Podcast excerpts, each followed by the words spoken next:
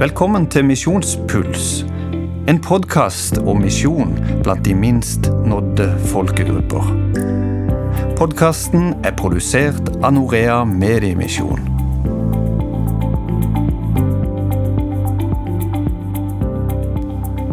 Ja, ny episode av Misjonspuls, Jostein.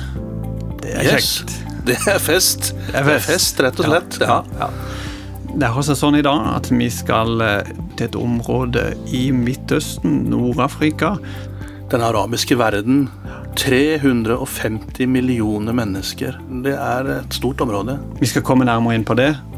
Før vi gjør det, så vil vi presentere gjesten som vi har med oss i dag. Elisabeth. Hei. Hallo, hallo. Kjekt å være med. Ja, velkommen. Takk skal Kjekt du å ha. ha deg med. Du må fortelle litt mer for lytterne våre. Hvem er du? Ja, Elisabeth Lillebeseth heter jeg. Sett. Sett, ja. Ja. Samme etternavn som Jostein? Ja, har det det er- sammenheng her? Ja, det er en liten sammenheng. Vi har vært gift i 20 år snart. Og så er vi så heldige at vi får jobbe sammen. Og uh, får jobbe med det som vi brenner for begge to, med å nå ut med evangeliet ut uh, til unådde. Og vi har nok begge to kjent også på et ekstra kall til å jobbe blant muslimer, så derfor er det jo ekstra kjekt i dag å få lov til å fortelle om eh, arbeidet vi har i den arabiske verden. Og så er jeg da koordinator for kvinnearbeidet vårt, Håpets kvinner. Som er både et arbeid her i Norge for å oppmuntre og utruste norske kvinner i sin tru og tjeneste. Men ikke minst så er vi jo med i en større sammenheng der vi er engasjert i dette arbeidet, bl.a. I, i Midtøsten, i den arabiske verden, gjennom Transworld Radio. Og i dag så skal vi bruke nettopp dette arbeidet her eh, for å illustrere hvordan media kan være et middel for å nå disse menneskene i de arabisktalende land. Når det gjelder de arabiske landene, så defineres de egentlig ut fra språk. Ja, Vi kan rett og slett lese de opp, fordi eh, det, det er eh, 20 land i fall i forhold til det prosjektet vi skal snakke om i dag. Eh, og Det er da Algerie, Bahrain, Irak, Jordan, Kuwait, Libanon, Libya, Mauritania, Marokko, Oman, de palestinske områdene, Qatar, Saudi-Arabia, Somalia, Sudan, Syria, Tunisia, De forente arabiske emirater og Jemen. Og så har vi selvfølgelig Israel også i dette området, som også er en del av eh, de arabisktalende områdene. Ja. Men altså 350 millioner mennesker, så kan vi allerede nå si at vi skal etter hvert snakke om det jeg vil definere som den viktigste kvinnesaken egentlig vi kan snakke om, nemlig kvinners verdi og hva Bibelen sier om, eh, om kvinnens verdi, og, og løfte det opp eh, i en åndelig sammenheng også.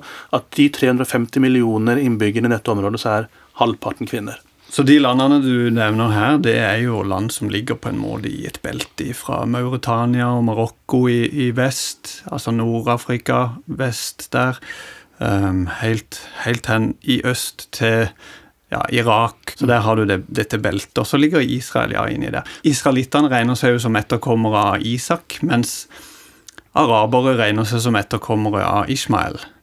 Ja. Hvordan er situasjonen her med tanke på nådd unådd, som er det som er vårt hovedanliggende i Misjonspuls? Det er jo veldig sammensatt når vi snakker om en sånt stort område som dette her. Eh, Og når vi da snakker om arabisktalende, for det er jo det egentlig vi skal innom i dag. Eh, og, og det er jo mye dialektforskjeller, mye mm, Altså, arabere er jo ikke én folkegruppe, det er jo mange folkegrupper. Så det blir vanskelig liksom, å, å definere og si at de arabisktalende er unådd sånn og sånn. Eh, Men hvis vi går inn på, på landene altså En annen ting også å legge til er jo at det finnes en god del fremmedarbeidere i disse områdene her. Og mange av de er kristne. Det er fra, fra Afrika, det er noen fra Asia, eh, Filippinene osv. Som, som er her. Så, så, og de også er jo en del av, av den befolkningen i hvert enkelte land. Men for å sette litt standard, da, så har jeg vært innom på noen forskjellige land og sett på statistikken. og Hvis vi f.eks. ser på Libya, der er det 0,16 evangeliske kristne. Et land som- 0,16. 0,16, ja. Et land som Oman 0,65 evangeliske kristne.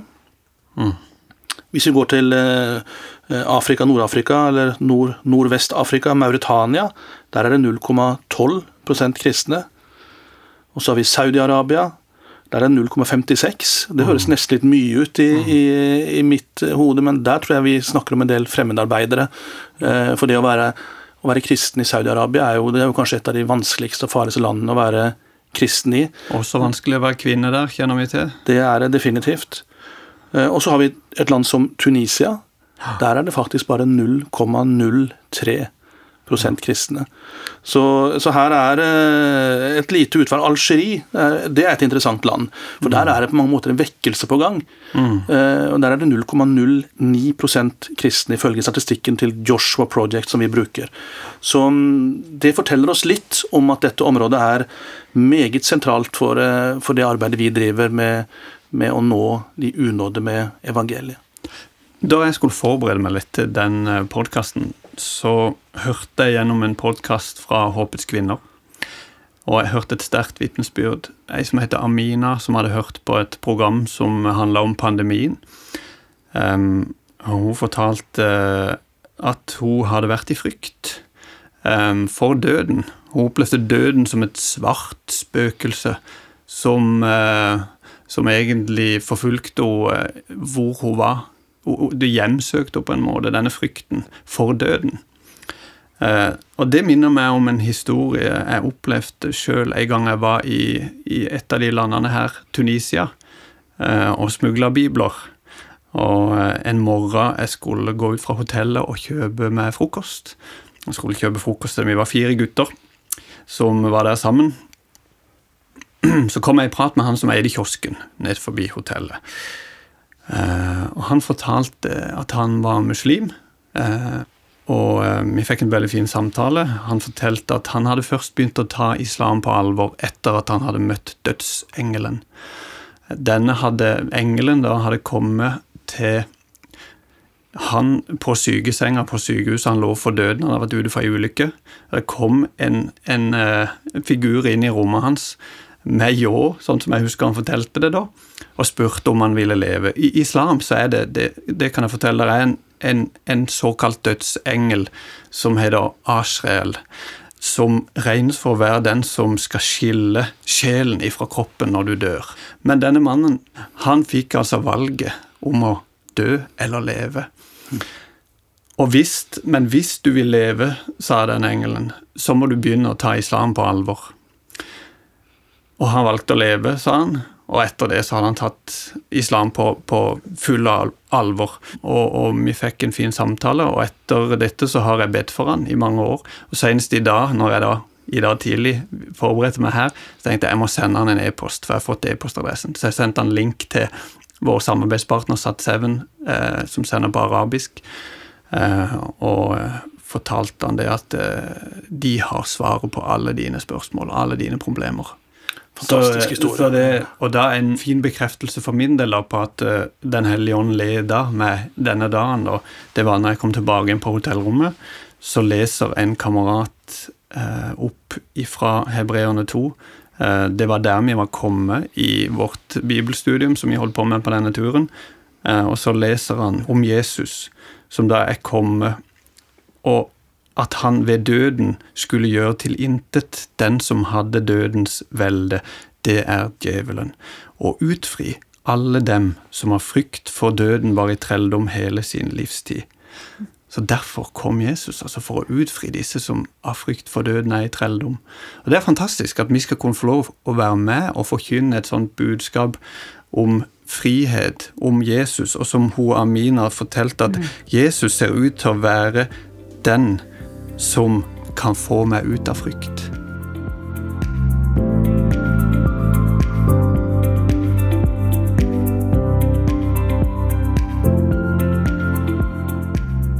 Disse områdene, Midtøsten, eh, Nord-Afrika, de arabisktalende områdene, er jo viktige for oss både med radio og med TV. Så vi støtter jo da det prosjektet vi skal snakke mer om i dag, eh, på radio mm. eh, gjennom TVR. Eh, og så har vi også satt Seven som en fantastisk eh, inngangsport inn i disse områdene, mm. og som når eh, når inn overalt. og Det er jo dette med satellitt-TV som er veldig mye brukt i disse områdene. og Et land som Saudi-Arabia, så viser statistikken at Det er altså fem millioner barn som ser på kristne eh, sendinger på TV på Sat7, på mm. Sat7 Kids.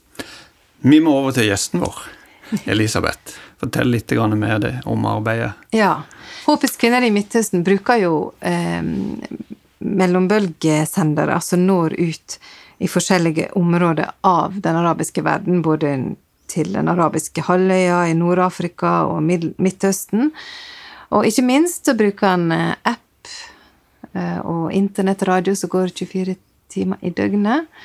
Eh, og sosiale medier. Sosiale medier er et svært viktig redskap for å nå disse kvinnene. Og når vi snakker om situasjonen for arabiske kvinner i Midtøsten, så er det jo like mange historier som det er kvinner. Så, så, jeg kan ikke si at slik er situasjonen for alle arabiske kvinner. Men det som vårt, våre medarbeidere i i Midtøsten forteller jo, er jo det at kvinner generelt i arabiske verden eh, kan oppleve å være marginalisert og, mm. og føle seg mindreverdig, um, bli diskriminert, uh, oppleve vold i heimen. Og det er jo ganske, ganske skremmende. Vi fikk nylig en ny rapport fra medarbeiderne i Midtøsten, og da fikk vi høre det at i denne pandemiperioden så har andelen av de F.eks. i Libanon, som var trukket fram som et eksempel, ehm, der hadde andelen av kvinner som opplever vold i nære relasjoner eller i heimen, gått opp 100 mm. Og det er jo ganske, ganske dramatisk. Ja. Så dette her er jo situasjonen som, som eh, våre medarbeidere befinner seg i. Mm. Eh, og for eksempel så får jeg, får jeg meldinger på sosiale medier, som fra nord fra Libya, som skriver 'Hvordan kan jeg ha tro på meg sjøl når alle andre vil at jeg skal føle meg liten og mindreverdig?' Og dette er jo i, i, i, i en rapport så leser jeg det at de, de beskriver eh, denne situasjonen som eh, fryktelig. Den situasjonen som kvinner er i da. Mange blir abortert før de er født, når kjønnet blir kjent. Mm. Og eh, mange blir drept når, når, de ble født, eller de ble satt på gata eller på et barnehjem. Eh, så dette er det de beskriver, eh, og de beskriver det da egentlig som, som at det, det, er, det, er en ting som ligger da i religionen deres. For eksempel ei som heter Hasna fra Marokko. Hun tok kontakt, og hun sier jo det at jeg forstår ikke hvorfor ikke Allah skapte meg som en gutt. For nå foreldrene mine sier jeg får ikke lov å gå på skole mer, nå skal jeg bare holde meg hjemme til det kommer en mann og redder meg, liksom. Og det, og det er slike tilbakemeldinger de får. Men jeg er litt, tilbake til det du snakker om, det er frykt for døden og, og, frykt og hvordan Jesus er svaret, for det er jo det som er det viktigste for oss. Mm. Altså, det er jo todelt, disse her programmene. Og, og det, er, det, er, veldig um, Det er så flott å se hvordan det er så tidsaktuelt. En bruker de situasjonene en nå er oppi, og nå er det jo pandemi og opplever veldig mye lockdown. Og, og det at de kan få lov til å både um, fortelle om det som har med livet her å gjøre. Sant? Du snakker om kvinners eh, hva din verdi, hvor verdifull du er som kvinne, f.eks. Barneoppdragelse, depresjon osv. Så, videre. så snakker han veldig sånn åpent og profesjonelt om disse tinga her som gjør at de tør å på en måte komme ut av boksen og sette ord på det. Mm. Og så bruker de anledningene til å fortelle om han som er den eneste som faktisk kan gi fred. Um, ja. Det, det, det, er jo, det, er jo, interessant, for det, det, du sier at de setter ord på det som på en måte er tabu. For det å ta opp disse tingene her mm. på vegne av kvinner, og for kvinner å ta det opp, det er jo helt mer eller mindre umulig, tenker jeg. Her her har vi en mulighet til å sette altså at en setter ord på ting som, som, ingen andre egentlig setter ord på. Og så kanskje er det akkurat det der at de sier det åpent på radioen, er det som er med å trigge og, mm. og treffer inn i menneskers liv. Og så, og så, får de også det kanskje være starten på en åndelig reise. Når, når man har opplevd det å være skikkelig eh, ja, undertrykt Det er jo vanskelig for oss å sette oss inn i, egentlig. Men uh, det må være helt fantastisk å høre et budskap om en gud som har skapt meg mm. likeverdig med alle andre mennesker. eh, også de som har undertrykt meg. Og eh, om å høre om, denne, å høre om denne friheten som er mulig å få, og denne frykten for døden som en kan eh, oppleve å komme ut av. Altså Det som oppfølgingsteamet i Håpets har fortalte oss, da, det er jo det at de får sånn Er det virkelig sant? Kan Jesus gjøre dette her? Og det fortalte om Najiba fra Marokko, som, eh, som, forteller at hun har vært livredd. Og, og, og, det er klart, denne pandemien får jo fram eh, alle disse følelsene ekstra, for det kommer så tett, og så får du sånn pause. Du må stoppe opp. Og så bare Oi, hva skjer når jeg dør? Hva skjer? Hva skjer med meg nå? Hva skjer med barna mine? Og så, og så, og så forteller at i et program da, som hun hørte, så fortalte, fortalte de programlederen og De fortalte så fint om hvordan Jesus ikke bare frelser oss fra virus. altså Der har vi et konkret eksempel på hvordan han mm. bruker situasjonen. Mm. Men også fra våre synder. Og så kjente hun på, når hun hørte på det, at det fikk en sånn litt fred. En liten stund iallfall. At det, å, kanskje det er håp for barna mine og meg. Og så de, fortalte de om, eh, om Jesus, og så svarer Najiba Wow! Kan Jesus virkelig gjøre så mye? For å være helt ærlig så er dette helt nytt for meg. Jeg veit at min religion ikke kan gi meg dette, heller ikke Mohammed, profeten vår. Og så vil hun så gjerne få vite mer, og så skriver hun jeg vil så gjerne tro at jeg kan bli båret gjennom vanskelighetene, og jeg ønsker å tro at Gud kan ordne en plass for meg i himmelen. Mm. Og så holder de kontakten fram og tilbake. Det er jo det som er fordelen med chatte på Facebook og sånne ting, at du kan holde en dialog over litt lengre tid. Mm. Og så sier hun jeg ønsker å ta imot Jesus, og jeg ønsker å tro på han, men mannen min sier at jeg er gal. Kan du være så snill å be for meg om at jeg tar den rette avgjørelsen? Og så syns jeg det var så fint. Jeg ønsker å være fryktløs sammen med Jesus. Mm. Tenk for en forandring å gå fra å være livredd til å ønske å være fryktløs, men ikke alene, men sammen med Jesus. Mm. Um, og, og det, dette, jo, dette, dette, med frykt, bare for, for, å ta litt videre på det, det er jo noe som vi kan kjenne oss igjen i eh, mm. egentlig i også den vestlige verden. og Her selv vi som er kristne, kan frykte. Og da er det jo så godt, vi, vi kan jo løpe rett til Jesus og til den tryggheten som vi har der. Mm. Men dette er jo et budskap for eh, ja, både kvinner og menn i Norge i dag. Mm. At det finnes en som kan fri oss fra frykt og frykt for døden. ikke sant? Og det er jo dette evige jaget etter uh, å opprettholde ungdommeligheter, ikke sant? Uh, forlenge livet, ikke sant? Og mye av dette bunner jo i frykt for hva er det som venter på, på, mm. på andre sida. Og, og eh, Roald, hva som skjer når ei kvinne får, får, høre dette her? Altså, både det som handler noe med frykt og, eh, og det å gjøre, men også får god og sunn opplæring i barneoppdragelse alle disse tingene, hva, hva skjer da? Jo, det preger jo de neste generasjonene. Mm. Og det er, jo, det er, jo, sånn at hvis jeg er si, ei kvinne med si, dårlig helse eller lite kunnskap eller frykt eller sinne og bitterhet, eh, fører, fører, jo det videre til sine barn. Mm. Og Derfor så er det så viktig, tenker jeg, at vi har et fokus på kvinner her. For når du kvinner, så når du hele samfunn. Du når familier. Og du når sønnene deres, slik at de kanskje forstår at det de er opplært i i generasjoner For det er ikke sånn at, er, at menn er liksom fienden her. At menn er så grusomme. For det er ikke det det handler om. Det handler om en kultur som er nødt til å bli forandra fra innsida. Vi er jo en bønnebevegelse og at vi ber. Mm. For gjennom bønn, og gjennom at disse kvinnene blir kristne og begynner å be, tenk for en sprengkraft det er i den arabiske verden.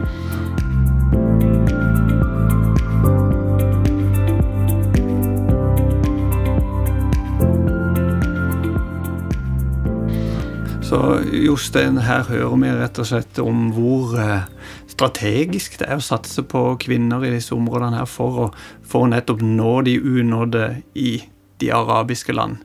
Så er kvinnearbeid veldig sentralt. Dette er eh, kort og godt verdens viktigste kvinnesak, spør du meg. altså. Rett og slett.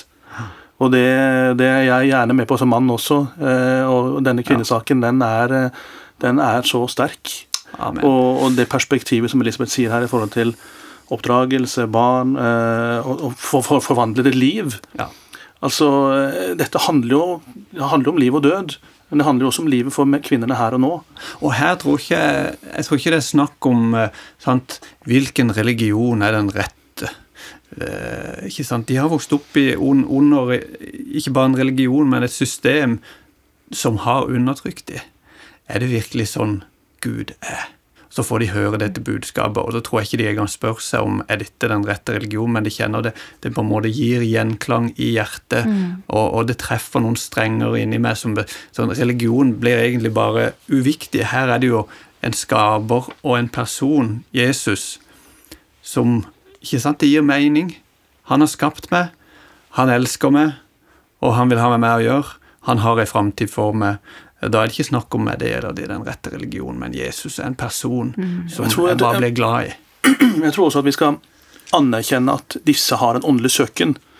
Og når de søker, så finner de ofte Jesus. ikke sant? Det er jo den, de, de- de lengter jo, det er en åndelig lengsel etter den friheten som vi vet som kristne finnes kun hos Jesus. Ja. Og, og det er jo det en ser også, at mange av disse kjenner jo Jesus som en profet. Og når de plutselig da oppdager at oi sann, han, han er mye mer enn det, så Ja. blir jo det det som setter de i åndelig frihet. Det er det de egentlig har søkt gjennom eh, Ja. kanskje et langt liv. Og vi kunne jo hatt en hel podkast om eh, disse drømmer og visjoner som mange i, i, eh, i disse landene opplever å møte Jesus, og så blir det etter hvert en, en overbevisning om at her har jeg med sannheten å gjøre. Jeg hadde bare lyst til, i fall, til å, å, å å liksom kanskje summere opp litt med Vi var innom noen statistikk og noen land her i stad. Jeg syns det er interessant å se hvor de har fått flest tilbakemeldinger, eller kontaktpunkter, som vi kaller det. Og gjerne da i sosiale medier. For Elisabeth nevner jo at sosiale medier og Facebook primært er blitt en veldig viktig eh, kilde her. da. Vi snakket om Algerie i stad, med veldig veldig få veldig få kristne, men hvor det også er en vekkelse på gang, hvor det skjer ting. Der har de hatt altså, kontakt eh, i løpet av siste halvår av 2020 med 3200 eh, kontaktpunkter, da, for å bruke det ordet, eh, i, eh, gjennom sosiale medier. Vi var innom Tunisia, du fordelte din historie derifra. Marginalt med kristne. Helt marginalt. Der har de altså hatt kontaktpunkter med 900. Og så var vi innom eh, Libya. Libya er et land vi forbinder med Muammar Gaddafi og, og, og eh, mye krig og borgerkrig og ustabilitet. Et av de landene i Nord-Afrika som er minst stabile, for å, for å si det eh, forsiktig. 1500 kontaktpunkter. Mm. i- Sånn syns jeg er bare så sterkt og så inspirerende. Og det viser liksom at dette vi holder på med her Herlighet, får vi si det. Det er så viktig, altså. Så vet du jo med deg sjøl hvor ofte er det du faktisk gir en feedback på Ikke noen sant? hører. Det skal Ja, veldig toppen mye til. Så det er bare toppen av isfjellet. Og bare når du leser disse tallene der, så snakker 3200. Det, Mm. det er mange som tar kontakt. Det er mange som blir oppfordret, eller som blir så berørt av det de hører, at de er nødt til å vite mer. Ja, mange av de gjør det jo med fare for eget liv. Ja. altså Vi må ikke glemme det. Enten Det å ta opp telefonen, eller det å logge seg på og, og, skrive en melding til en fremmed person med en annen religion osv. Altså, dette gjør de jo med fare for sin egen sikkerhet, mange av de. Og da skal du ha både guts og motivasjon. Det er et eller annet som liksom virkelig treffer deg. altså. Men det er en spesiell tid der i disse landene nå. for Nå har vi snakka om de arabiske landene, eh, men vi har ikke snakka om den arabiske våren. Og når jeg var i Tunisia, så var det 2012. Og den arabiske våren brøt ut i Tunis i 2011. Det var der han starta.